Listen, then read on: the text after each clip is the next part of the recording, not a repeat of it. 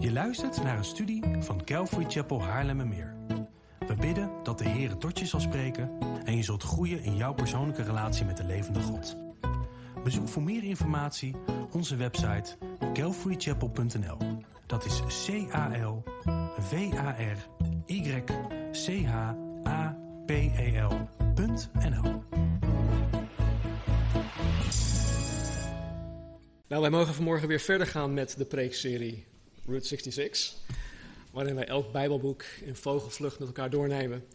Om uh, één, Jezus erin te gaan ontdekken. En twee, de allerbelangrijkste levenslessen eruit te halen. Uh, wat voor ons, uh, ja, wij als christenen natuurlijk, van levensbelang is. Ehm, vandaag maken wij het Bijbelboek Nummerie af. En volgend jaar, volgend jaar, dus over een week, eh, beginnen wij in Deuteronomium.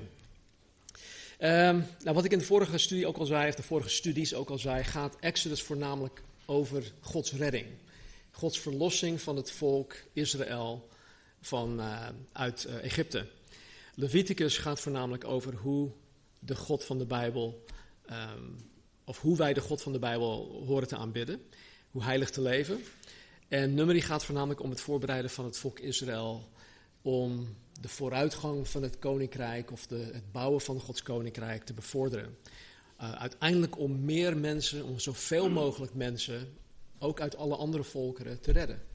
En dat is ook de taak van de gemeente van Jezus Christus. Wij zijn niet het nieuwe Israël, maar we hebben wel dezelfde taak in deze wereld. Wij zijn het licht van de wereld, wij zijn het zout der aarde. En Gods bedoeling met een ieder van ons, niet alleen, niet alleen collectief als gemeente, maar elk individu, is om Gods koninkrijk uit te breiden om zoveel mogelijk mensen te redden. En weet je, wij hebben de allerbeste boodschap die er is. Wij, wij mogen mensen hoop bieden. En Marnie en ik zijn afgelopen vrijdag naar een, uh, een uitvaart, een begrafenis geweest. En God werd op geen enkele wijze genoemd. En ja, voor ons was het gewoon heel erg triest. Want daar, ging dan ja, daar lag dan onze buurman en het ging alleen maar om um, rust zacht, eindelijk rust. Um, hou een stoeltje vrij voor mij aan de bar. Uh, je gaat feesten, dit en dat. En weet je, het is allemaal zo ontzettend leeg en zo triest.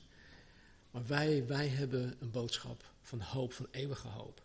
En dat kunnen wij naar de wereld om ons heen uitdragen. In de vorige studie keken wij naar uh, drie ogenschijnlijke verwaarlo verwaarloosbare zonden. Die geleid hebben tot die ene grove zonde waarvan de eerste generatie niet terugkwam. De Exodus-generatie, degene die dus uit Egypte door de Exodus heen uh, naar het beloofde land zou moeten komen. En deze zonde heeft de eerste generatie genekt, waardoor zij allemaal in de woestijn stierven. Allen behalve twee mannen. Twee mannen. Jozua en Caleb. Die waren de enige twee van de eerste generatie die het beloofde land wel in konden gaan. Nou, deze drie ogenschijnlijke verwaar, verwaarloosbare zonden waren dit. Het gemor en geklaag tegen Mozes. Het gemor en geklaag tegen Mozes en Aaron.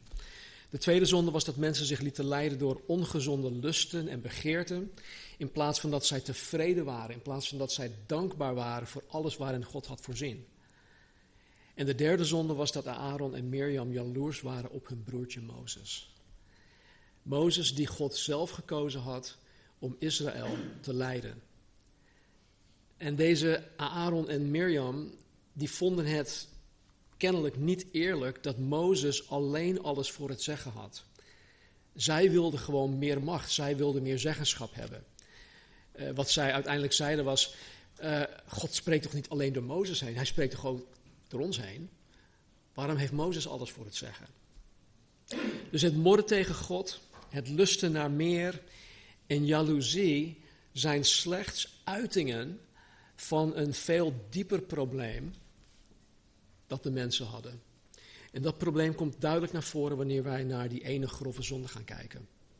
Nou, nogmaals, voor ons, uh, die wedergeboren zijn, zit in nummerie een aantal uh, essentiële levenslessen en principes. in, uh, die betrekking hebben op ons dagelijks leven, die betrekking hebben op ons dagelijks wandel, dagelijkse wandel met de Heer. En de apostel Paulus legt het heel mooi uit wat wij in, ja, of wat, van, van wat wij in nummerie mogen en kunnen en moeten leren. En dat heb ik in de vorige twee ook al laten zien. Maar hij zegt dit, hij zegt, graag wil ik, broeders en zusters, uw aandacht vragen voor wat er gebeurde met onze voorouders. Ze stonden allemaal onder de bescherming van de wolk en trokken allemaal veilig door de Rode Zee. In de wolk en in de zee werden ze gedoopt als volgelingen van Mozes. Ze aten allemaal hetzelfde geestelijk voedsel en dronken allemaal dezelfde geestelijke drank. Want ze dronken water uit een geestelijke rots die overal met hen meetrok. En die rots was Christus. Toch rustte op de meeste van hen Gods zegen niet. Want werden ze niet afgeslacht in de woestijn? Die gebeurtenissen zijn een voorbeeld voor ons, een waarschuwing dat we niet naar het kwade moeten verlangen zoals zij. Word geen afgodendienaars zoals sommige van hen, over wie de schrift zegt: Het volk ging zitten om te eten en te drinken. En het werd, en het werd, of het werd een losbandig feest. En laten we geen ontucht plegen zoals um, sommige van hen. Het gevolg was dat op één dag 23.000 mensen de dood vonden. Laten we Christus ook niet op de proef stellen zoals anderen van hen deden, met het gevolg dat ze door slangen omkwamen. Mopper ook niet op God, zoals weer anderen. Ze werden omgebracht door de engel van de dood. Wat hun overkwam, moet een voorbeeld voor ons zijn. Het werd opgeschreven om ons te waarschuwen, omdat we voor het einde der tijden staan. Wie dus denkt, wie dus denkt recht overeind te staan, moet oppassen dat hij niet komt te vallen. Dus kort samengevat, schrijft Paulus dat nummerie ons, anno 2019 en anno 2020, ons kan helpen om geestelijk volwassen christenen te worden. En door onder andere van de fouten van de Israëlieten te leren. En dan zegt hij, als je denkt, of als, als je denkt dat deze lessen dus niet voor jou gelden, dan waarschuwt Paulus je, ons in uh, vers 12. Wie dus denkt recht overeind te staan, moet oppassen dat hij niet komt te vallen. Nou, vanmorgen pakken wij de vertelling op in hoofdstuk 13. Dus als je Bijbel bij je hebt, um, we, we, zullen vandaag ja, het merendeel besteden in hoofdstuk uh, 14. Maar we zullen een stukje uit hoofdstuk 13 lezen, een stukje uit hoofdstuk 14. En vanaf daar gewoon hier en daar wat plukjes. Um, nummer hoofdstuk 13, 1 tot en met 3. De Heere sprak tot Mozes: Stuur mannen voor u uit om het land Canaan te verkennen, dat ik aan de Israëlieten geven zal. U moet één man per stam van zijn vaderen sturen, elk een leider onder hen. Mozes stuurde hen uit de woestijn Paran op bevel van de Heere. Al die mannen waren hoofden van de Israëlieten. Dus even de context. Nadat God Israël naar stam geordend had, nadat Israël voor het eerst in deze opstelling vanaf de berg Sinaï in beweging kwam en oprukte, nadat Israël voor de zoveelste maal tegen God morde, nadat het volk op een ongezonde manier uh, lustte naar meer, en nadat Aaron en Mirjam in opstand kwamen, zien wij in hoofdstuk 13 dit dat Israël haar kamp in Kades in de woestijn Paran opsloeg. En daar, dus aan de grens van het beloofde land, beveelt God Mozes om twaalf stamhoofden het beloofde land in te gaan om het land te gaan verkennen. En wat er in deze, deze verse uitspringt, althans voor mij, is dat iedere man die voor deze verkenningstaak uh, gekozen werd, een leider was. Het waren hoofden van stammen. Ieder was een leider. Het waren twaalf leiders. En onthoud het even goed. En dit was hun opdracht. Even verder in uh, vers 17 tot en met 20. Mozes stuurde hen om het land Canaan te verkennen. En hij zei tegen hen: Ga hier het zuiderland in en ga dan het bergland in. En bekijk het land, hoe het is en het volk dat er woont. Of het sterk is of zwak. Of het gering in aantal is of talrijk. En kijk hoe het land is waarin het volk woont. Of het goed of slecht is. En hoe de steden zijn waarin het woont. Of het in tentenkampen woont of in vestingen. Kijk ook hoe de grond is. Of die vruchtbaar is of schraal. En of er bomen zijn of niet. Vat moed en neem wat van de vruchten van het land mee.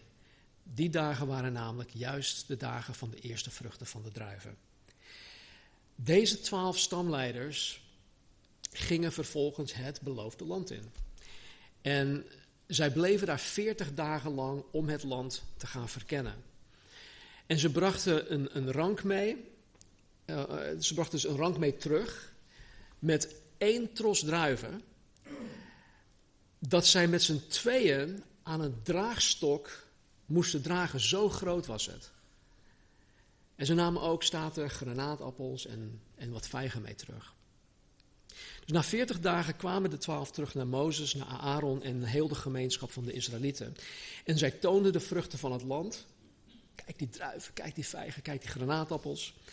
En ze vertelden dat het land inderdaad een land is dat overvloeit met melk en honing. Oftewel, dat het inderdaad een vruchtbaar land is, zoals God het gezegd had. Maar, en dan komt het. Vervolgens zeiden tien van de twaalf leiders dat de inwoners van het land vele malen groter en sterker waren dan hen. En dat de steden versterkt waren. Met andere woorden, wij maken totaal geen kans tegen het Canaanitisch volk. Dit moeten we niet eens proberen. En op dat moment stond Caleb, een van de twaalf leiders, op.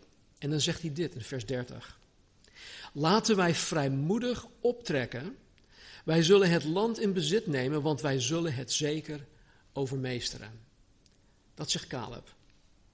Dus in tegenstelling tot de overige tien leiders had Caleb het geloof in God en in Gods belofte dat hij, God, Israël het land zou geven.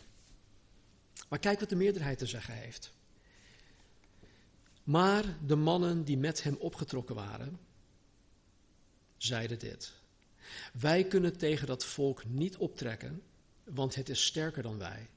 En zij lieten een kwaad gerucht uitgaan bij de Israëlieten over het land dat zij verkend hadden door te zeggen: Het land waar wij doorgetrokken zijn om het te verkennen is een land dat zijn inwoners verslindt.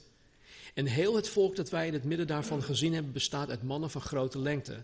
We hebben er ook reuzen gezien, nakomelingen van Enak, afkomstig van de reuzen.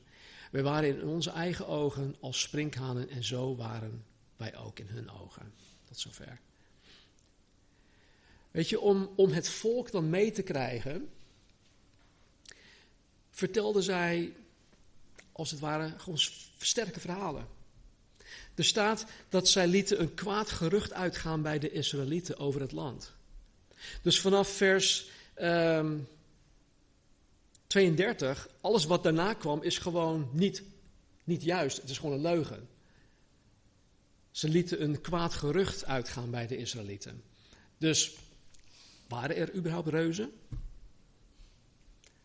Weet je, nou, nee, nee, een andere keer. Kijk, zij, zij wilden het volk meekrijgen aan hun kant. En het is bijna altijd zo dat wanneer men een groep mensen probeert over te halen naar hun kant, dat zij het spannender maken dan dat het daadwerkelijk is. En je ziet dat overal. In de wereld zie je het. Helaas zie je het in sommige kerken ook. Waar er splitsingen zijn, dan, dan gaat iemand of dan gaat een groepje mensen dingen vertellen over de voorganger of over het leiderschap of over wie dan ook. En ze gooien er altijd een paar dingen bovenop om het nog spannender te maken. Om mensen aan hun kant te krijgen. Maar kijk wat er gebeurt. Toen begon heel de gemeenschap luid te weeklagen en bleef het volk in die nacht luid jammeren. Al de Israëlieten moorden tegen Mozes en tegen Aaron. Heel de gemeenschap zei tegen hen: Waren wij maar in het land Egypte of in deze woestijn gestorven. Waren wij maar gestorven. Waarom brengt de Heer ons naar dit land? Zodat wij door het zwaard vallen en onze vrouwen en onze kleine kinderen tot prooi worden van de vijand. Zou het niet beter voor ons zijn naar Egypte terug te keren? En ze zeiden tegen elkaar: laten wij een hoofd aanstellen en naar Egypte terugkeren.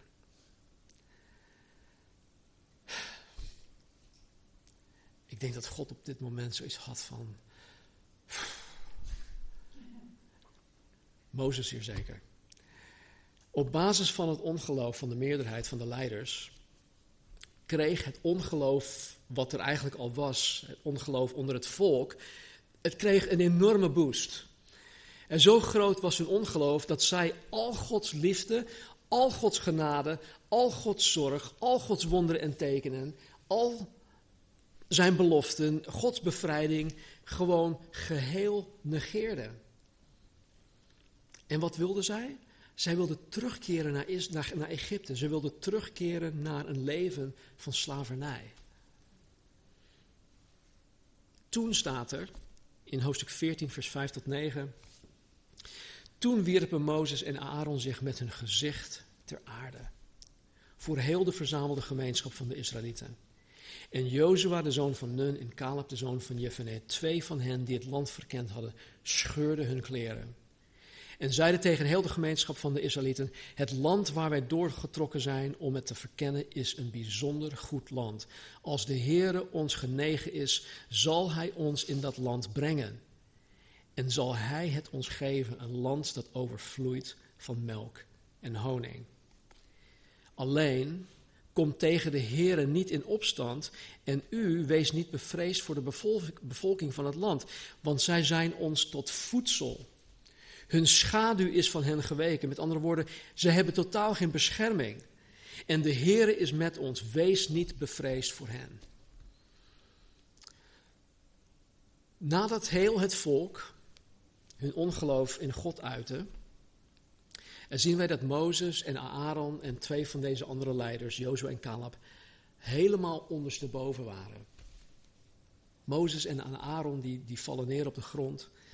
Uh, en Caleb die scheuren hun kleren. En ze deden dat door het ongeloof van het volk. En weet je, in zo'n situatie is het heel makkelijk om met de meerderheid mee te gaan. Maar in plaats van dat Jozua en Caleb met de meerderheid meegaan in hun ongeloof, pleiten zij bij de overige tien leiders en bij heel het volk om in God te geloven, om God te vertrouwen.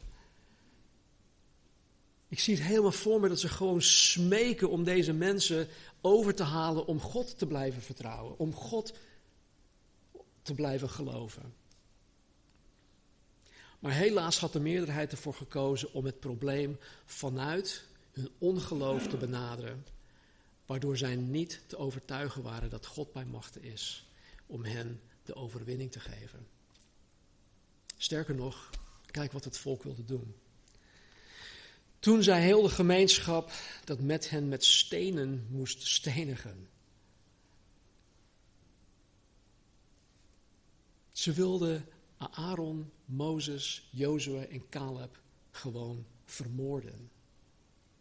Ze wilden hun stenigen.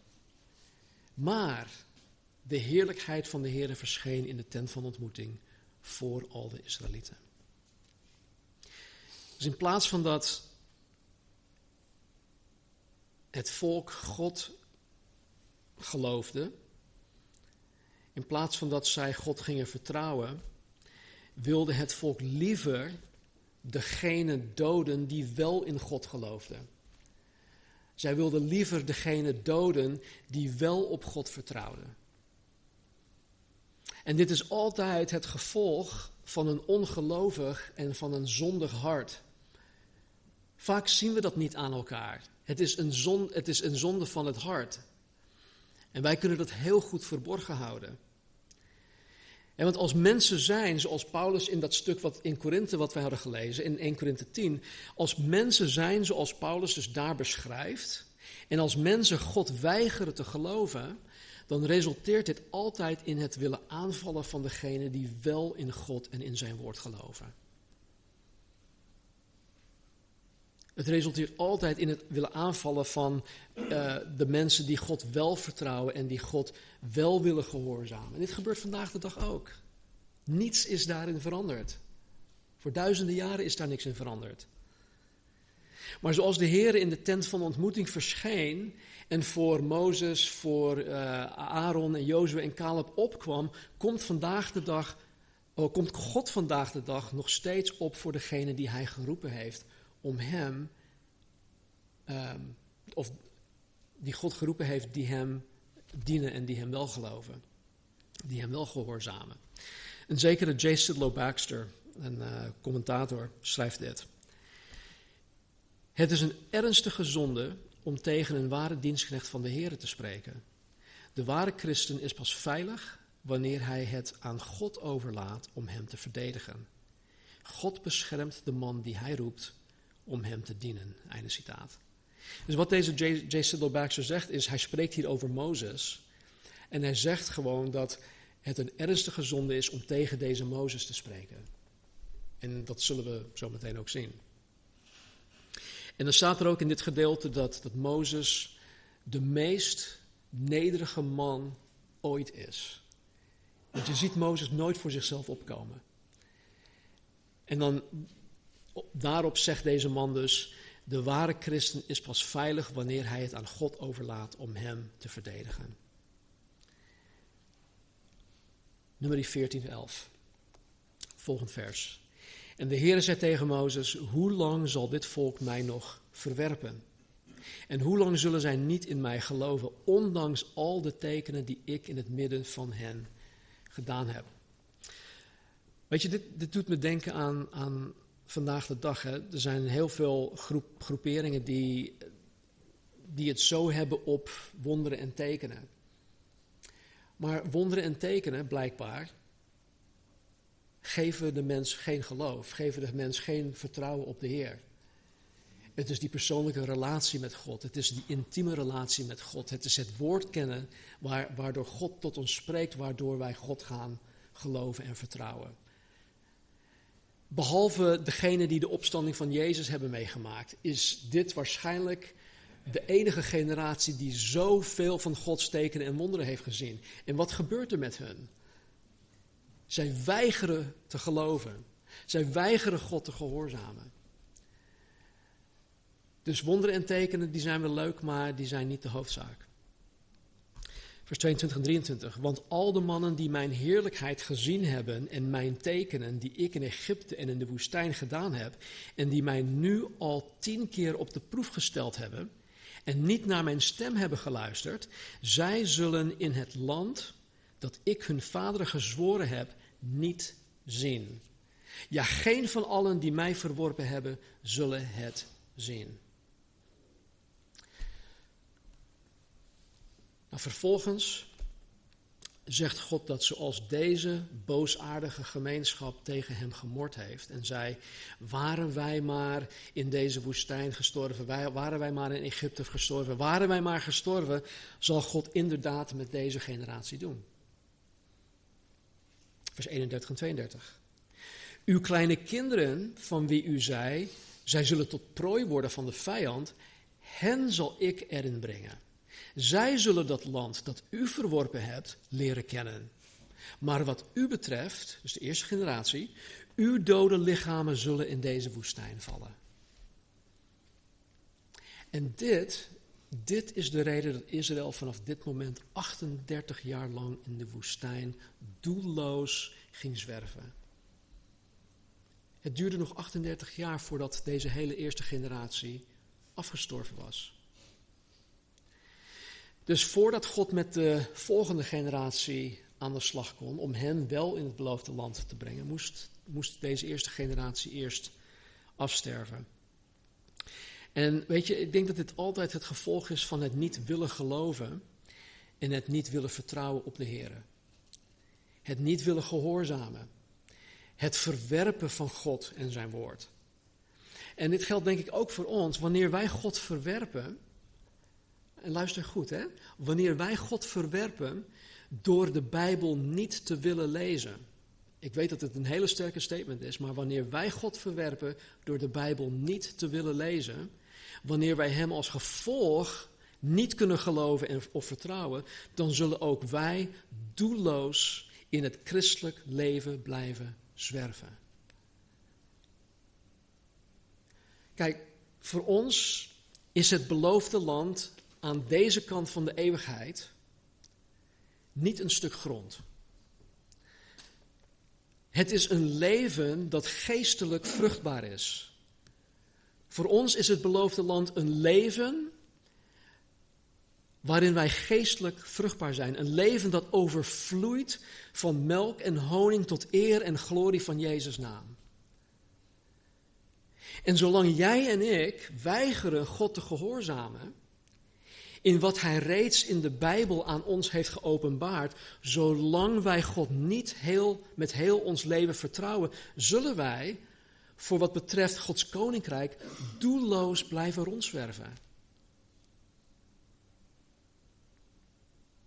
Wat in hun verhaal toch, toch wel heel bijzonder is, is dat ondanks hun rebellie tegen God, want dat was het, dat noemt de Bijbel ook zo, ondanks dat God hen niet het beloofde land zal schenken, want zij waren eigenlijk ja, gestraft in de woestijn, gaat God de komende 38 jaar nog elke dag voor hun zorgen. Hier kan ik echt niet bij. Dit is de God die wij dienen. Dit is de God die wij kennen. God blijft voorzien in al hun behoeften. God blijft hen eten geven, hij blijft hen water geven, hij zorgt ervoor dat hun kleding en hun schoeisel 38 jaar lang gewoon niet slijt. God blijft hen zegenen, ondanks dat zij hem hebben verworpen. Maar zij komen het beloofde land niet in.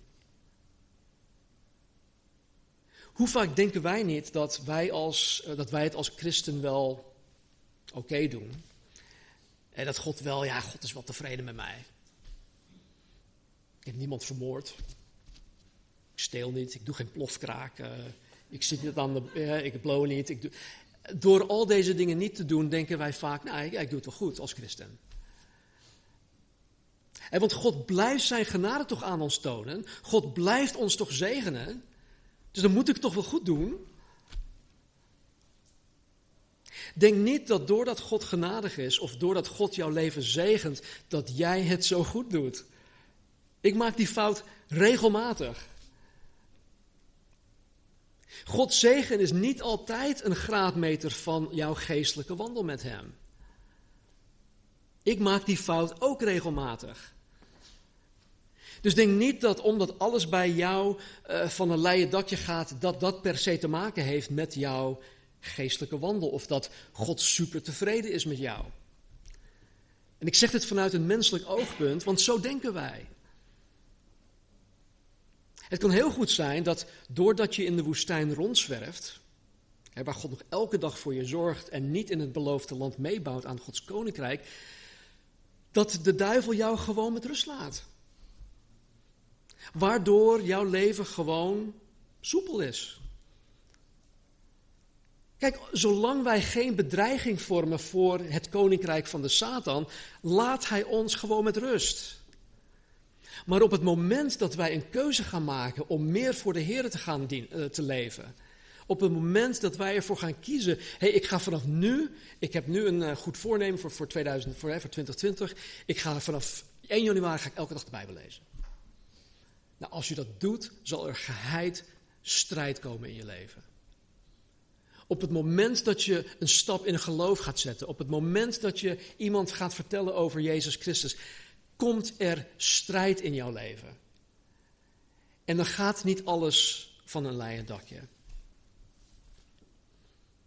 Kijk, hoe dan ook, het punt is dat je jezelf niet moet laten misleiden doordat God zijn genade en zijn zegen aan jou blijft schenken. Dat ligt aan God. Dat ligt niet aan jou. God is nou eenmaal een liefdevolle en een genadige God. En dat zien wij hier 38 jaar lang. Blijft hij voor deze kleren mensen zorgen.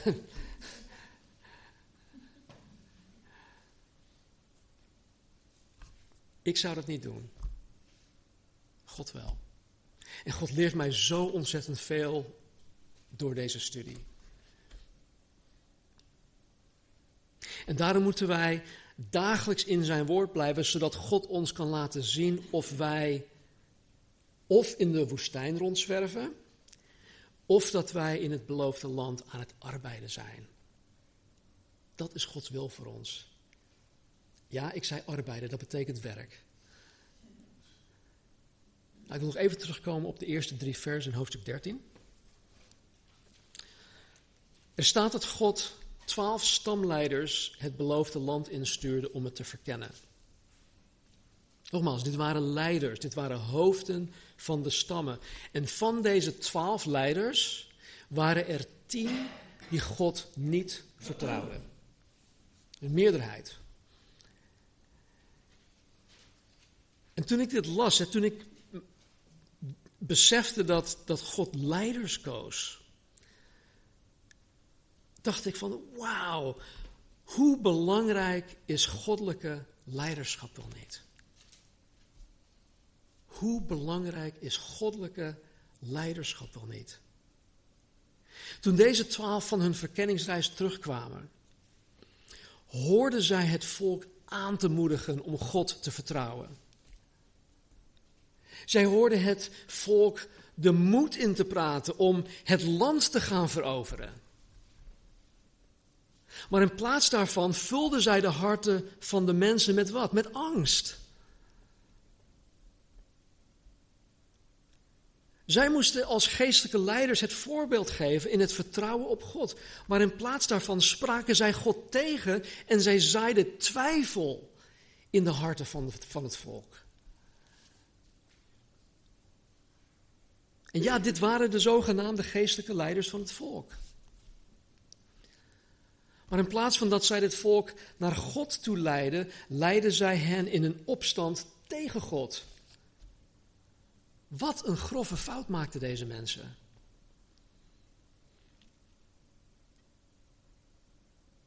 En als ik dit lees, joh, dan, dan zie ik hier een zo'n gewichtige boodschap. Vooral voor mezelf. want oprechte, uh, zuivere, Godvrezende en in God gelovende leiderschap is wat wij hier keihard nodig hebben. Elke kerk heeft dat nodig. Sterker nog, God vereist dit. En daarom wil ik jullie vragen om elke dag voor Casper en voor mij en voor Joanie en, en welke andere persoon die in deze kerk leider, een leidersfunctie heeft, om voor ons te bidden en te blijven bidden. Ik heb met dezelfde dingen te maken waarmee, waarmee jullie te maken hebben. Ik ben mens van vlees en bloed. Ik heb nog steeds de zondige natuur wat ik elke dag met me meesleep. Bid gewoon dat God ons genadig zal zijn. En dat Hij ons puur en rein houdt. Bid dat God ons geloof geeft. Bid dat God ons uh, zijn liefde geeft voor Hem en voor mensen. Bid dat God ons wijsheid van boven geeft, dat wij geestelijke leiders en herders mogen zijn naar Gods hart. En bid dat God ons inzicht geeft tot zijn, zijn hart en tot zijn gedachten omtrent het woord dat wij elke week mogen brengen. Weet je, een van mijn gebeden terwijl ik mijn preek aan het voorbereiden ben, is altijd: Heere, laat mij uw hartslag voelen voor dit woord. Ik wil niet mijn eigen dingen verzinnen over wat, wat hier staat. Ik wil uw hart, uw gezindheid overdragen aan de mensen. Dus bid alsjeblieft voor ons. Nou, vanaf hoofdstuk 16 tot en met hoofdstuk 20 zwerft Israël dus voor 38 jaar lang in de woestijn. Er worden slechts vijf hoofdstukken aan besteed. En in deze periode gebeuren er een aantal dingen die voor ons interessant zijn. Er gebeuren meer dingen, maar ik noem maar een paar. In hoofdstuk 16 zien wij een groep, voor de zoveelste keer een groep, in opstand komen tegen Mozes en Aaron. En wat zij willen doen, uh, is dit. Zij willen de manier waarop mensen God kunnen benaderen veranderen. Dus God heeft heel duidelijk in Exodus en in Leviticus uh, beschreven hoe mensen God horen te benaderen. En als ze dat op een andere manier doen, boem, dan zijn ze in één keer dood. Dat hebben we ook al gezien. Maar deze groep die wilde dat op een of andere manier, weet niet waarom, zij wilde dat gewoon veranderen. Maar nogmaals, God heeft overduidelijk aangegeven dat hij slechts op één manier te benaderen is. Daarom is er maar één ingang in de tabernakel. En niemand behalve God zelf zou dat kunnen veranderen. En hij heeft het niet veranderd. Dus ondanks hun poging om God te willen benaderen op hun eigen manier, stak God daar een stokje voor. En nu is het nog steeds zo dat God slechts op, op één manier te benaderen is. En dat is door Jezus Christus alleen. Hij is de weg, de waarheid en het leven. Niemand komt tot God de Vader dan alleen door Hem. Ik weet, het is heel nauw. De wereld die, die snapt er geen bal van. Het is zo nauw. Maar de Bijbel leert ons ook dat er slechts één middelaar is tussen zondig mens en God. En dat is Jezus Christus. Dus er zijn niet meerdere wegen om bij God te komen. Uiteindelijk komen alle wegen bij God, maar er is maar één weg die je naar God toe leidt, waarin God een welbehagen heeft. Het tweede dat gebeurde is in hoofdstuk 17. En dat is dat God tegen het volk zei dat ieder stamhoofd een, een staf moest pakken, gewoon een houten stok, en de naam van hun stam erop moest schrijven. Het is Juda, de stamhoofd van Juda moest op de, eh, op de stok schrijven Juda. Twaalf stamhoofden. Er zijn trouwens dertien stammen, omdat um, Jozef werd opgesplitst in twee andere stammen, en dat was Manasseh en Ephraim. Vandaar dat inclusief Levi, de Levieten, er dertien stammen zijn. Maar ze moesten dus hun, hun, de naam van hun stam moesten op deze staven schrijven. En Aaron, de hoge priester, moest zijn eigen naam, dus Aaron, op de staf van de stam Levi schrijven. En vervolgens nam Mozes deze dertien staven. Hij legde ze neer voor het aangezicht van de Heer in de tabernakel. En dan de stam die God gekozen heeft om, om hem, dus God, in de tabernakel als priesters te dienen, zijn staf zal gaan bloeien. Wat natuurlijk niet mogelijk is. Als ik nu een honkbalknuppel heb of een uh, hockeystick. En ik steek hem nu in de grond en ik begiet het en ik gooi wat uh, ja, koeien dingen erop. En uh, dan gebeurt er toch niks. Althans.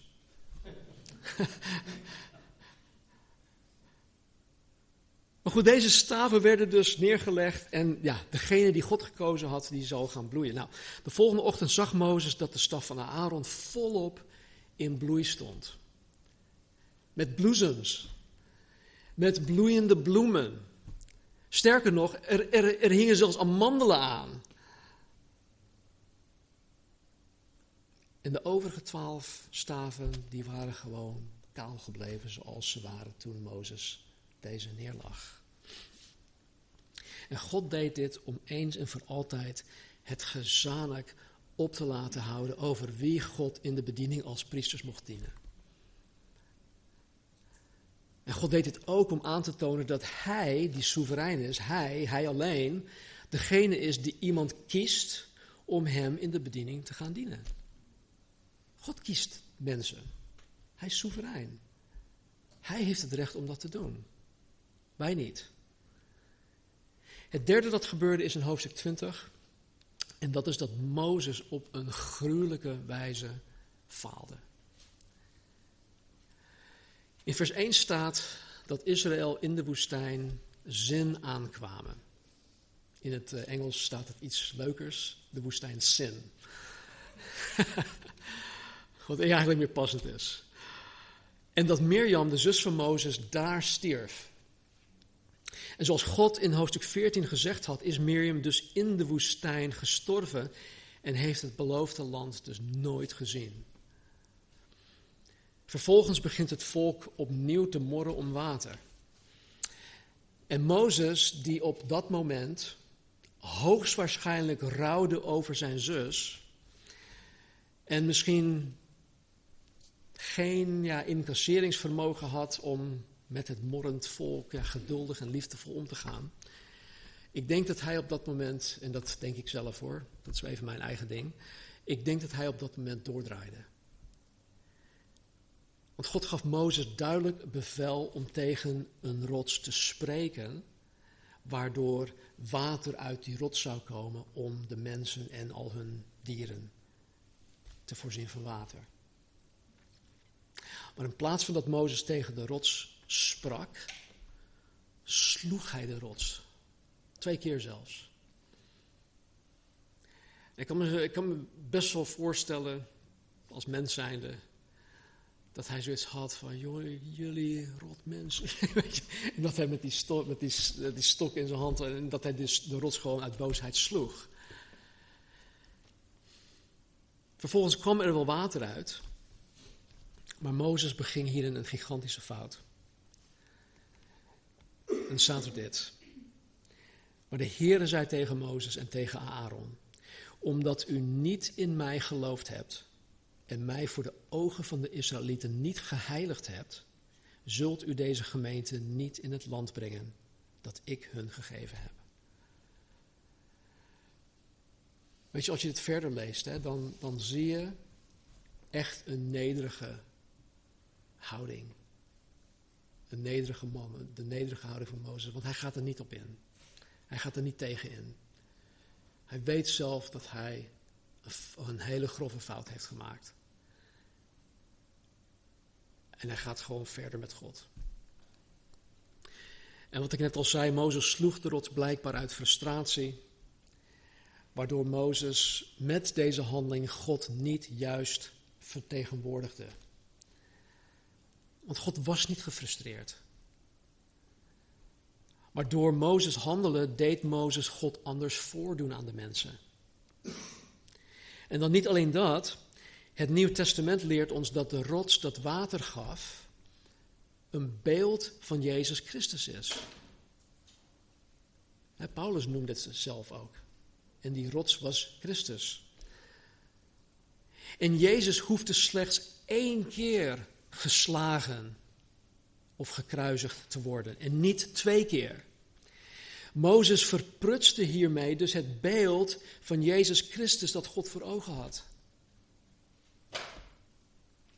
En zijn straf was dat hij en Aaron het beloofde land ook niet in mochten gaan. Nou, ik geloof dat Mozes' frustratie met het volk iets was dat al heel lang gaande was. Toen het volk in Exodus 17 aan het morren was, omdat er geen water was. En voorzag God voor de eerste keer water uit de rots. Toen zei God wel, oké, sla die rots. Dus Mozes sloeg de rots en water kwam eruit. En wat hierin opmerkelijk is, is dat Mozes die plek, dus de eerste keer dat hij water uit de rots liet komen, God dan, die eerste, de eerste keer noemde Mozes die plek Meriba. En hij noemde die plek Meriba omdat er oneenigheid was en gemor.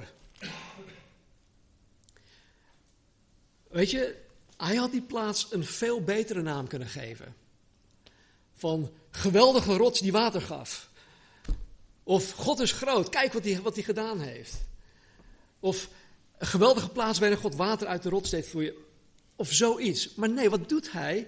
Hij keek eerder naar wat er fout ging. Dan naar het wonder dat God deed. En het kan heel goed zijn dat, dat, dat Mozes op dat moment al wat bitterheid naar het volk en zijn hart begon te koesteren. Want hij keek niet naar God, hij keek naar de bitterheid en het, naar het gemor en het gezamenlijk van die mensen. En nu, voor de zoveelste keer, moordt het volk weer. Dus nummer 20, 21. Alleen nu is zijn zus net overleden. Waarvan hij waarschijnlijk zo graag gewild had dat ook zij het beloofde land zou zien. En ik kan me heel goed voorstellen dat hij er kapot van is. En wat gebeurt er dan? Die bitterheid komt ineens naar boven. De bitterheid die er wellicht al vanaf Exodus 17 of misschien wel eerder er al in zat, komt nu naar boven. En weet je, als je enige bitterheid koestert en, en het niet aan de Heer geeft, als je dat niet helemaal loslaat, dan zal het vroeg of laat naar boven komen met alle gevolgen van dien. Gegarandeerd. Bitterheid is, is Het is iets zo gemeens. Nou, vanaf hoofdstuk 21 tot het eind, 36, reist het volk richting het beloofde land. Er gebeuren onderweg nog een aantal hele bijzondere dingen. Bijvoorbeeld een ezel die spreekt, en, uh, noem, maar op. Maar ik wil zich één ding ter afsluiting uh, met jullie delen. In hoofdstuk 21 begint of begon het volk opnieuw te morren. Ja, over wat zij noemden waardeloze manna. Het allerbeste voedsel wat zij konden krijgen, ja, zagen zij als waardeloos. En wat doet God? God die laat ineens een hele hoop gifslangen onder het volk komen. En deze gifslangen die beten mensen. En deze mensen die gebeten werden, die, die gingen dood. Dus veel mensen, er, werden door deze slangen gebeten en stierven. Nou, vervolgens, nadat zoveel mensen gestorven waren, gebeten waren, gingen de mensen naar Mozes toe om te zeggen: Oh, we hebben gezondigd, ga, bid alsjeblieft tot God dat hij die slangen wegneemt, enzovoort, enzovoort. En dan zegt God dit. God zei tegen Mozes om een koperen gifslang te maken. Dus een beeld van zo'n slang. En deze op een paal te monteren en deze te verhogen, zodat de mensen het konden zien. En een ieder die door een gifslang gebeten was, zou blijven leven als hij of zij naar deze koperen slang keek. Nou, wij weten dat dit natuurlijk niet werkt. Er zit totaal geen geneeswaarde, of hoe je dat ook wil noemen, in het kijken naar een koperen gifslang. Maar God heeft dit ook als een beeld gegeven van Jezus Christus. En weet je, er staat dat heel veel mensen stierven. Dus ik vraag me af, hoeveel mensen weigerden te kijken naar die slang? Dat mensen op de grond lagen te, te, te creperen van de pijn. Van, oh, ik heb pijn, ik ben gebeten, ik ga dood, ik ga dood. Ja, kijk dan naar die slang. Nee joh, ik heb pijn, ik heb pijn. Je kijkt dan naar de slang.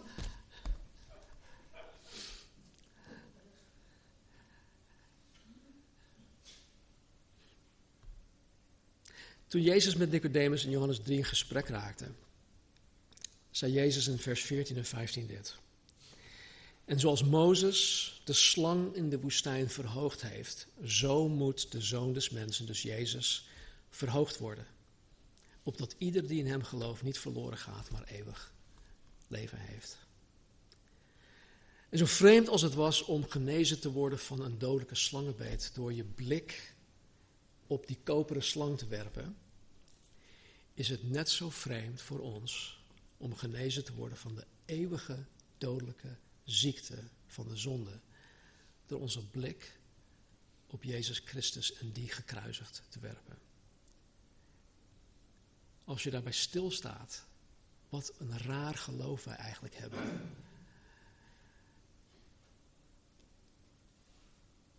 Het is geen wonder dat mensen ons niet geloven wanneer wij het met hen delen. Maar dit moeten wij wel met mensen delen. Want dit, zegt Paulus, is, er staat, het is een kracht. Nee, het is de kracht. Het evangelie is de kracht Gods tot zaligheid. Laten we bidden. Hemelse Vader, dank u wel dat u zo ver gegaan bent om ons het woord te geven. Dank u wel dat u ons het prachtig voorbeeld gegeven heeft, heren, van deze Israëlieten. Die ondanks dat zij ja, toch, toch enigszins vervloekt waren, dat zij niet het beloofde land in mochten gaan. Dat u in uw genade en in uw barmhartigheid nog elke dag voor hun bleef zorgen. Vader, wat een liefde, wat een genade dat u aan hen betoond heeft. Heer, leer ons om meer te zijn zoals u.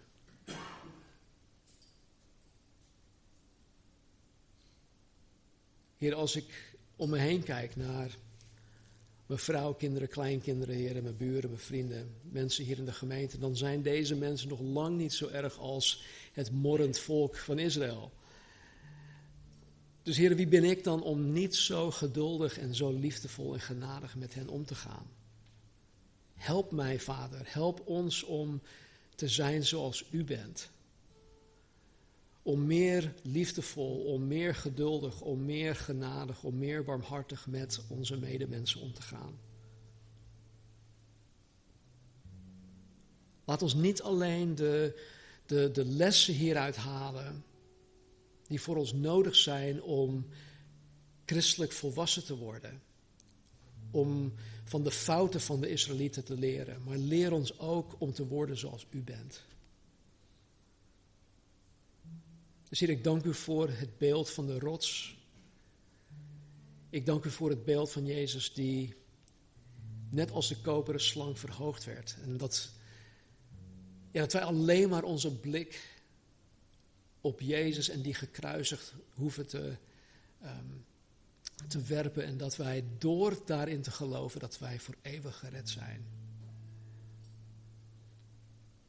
Dus heren, waar wij misschien op dit moment rondzwerven in de woestijn. Leid ons naar het beloofde land. Leid ons naar een vruchtbaar leven voor u. Leid ons naar een, een, een, een geestelijk vruchtbaar land dat overvloeit met melk en honing, zodat wij 30, 60, 100voudig vrucht zullen dragen voor uw koninkrijk, tot eer en glorie van uw naam. Help ons, Heer, vergeef ons, waarin wij te, tekort schieten. En als wij het nieuwe jaar zullen ingaan deze komende week, weet dat elke dag gewoon hetzelfde is, maar soms is het met eh, het nieuwjaar wel een, een mooi moment om dingen te willen veranderen. Heer, help ons, verander ons. Help ons om de juiste beslissingen te nemen. Help ons om geloofstappen te gaan zetten. Help ons zoals Petrus uit de boot te gaan stappen. Met onze ogen en onze blik, Heer, geworpen op U, Jezus Christus. De leidsman en voleinder van ons geloof. Dank u wel voor uw liefde, uw geduld, uw genade. In Jezus' naam. Amen.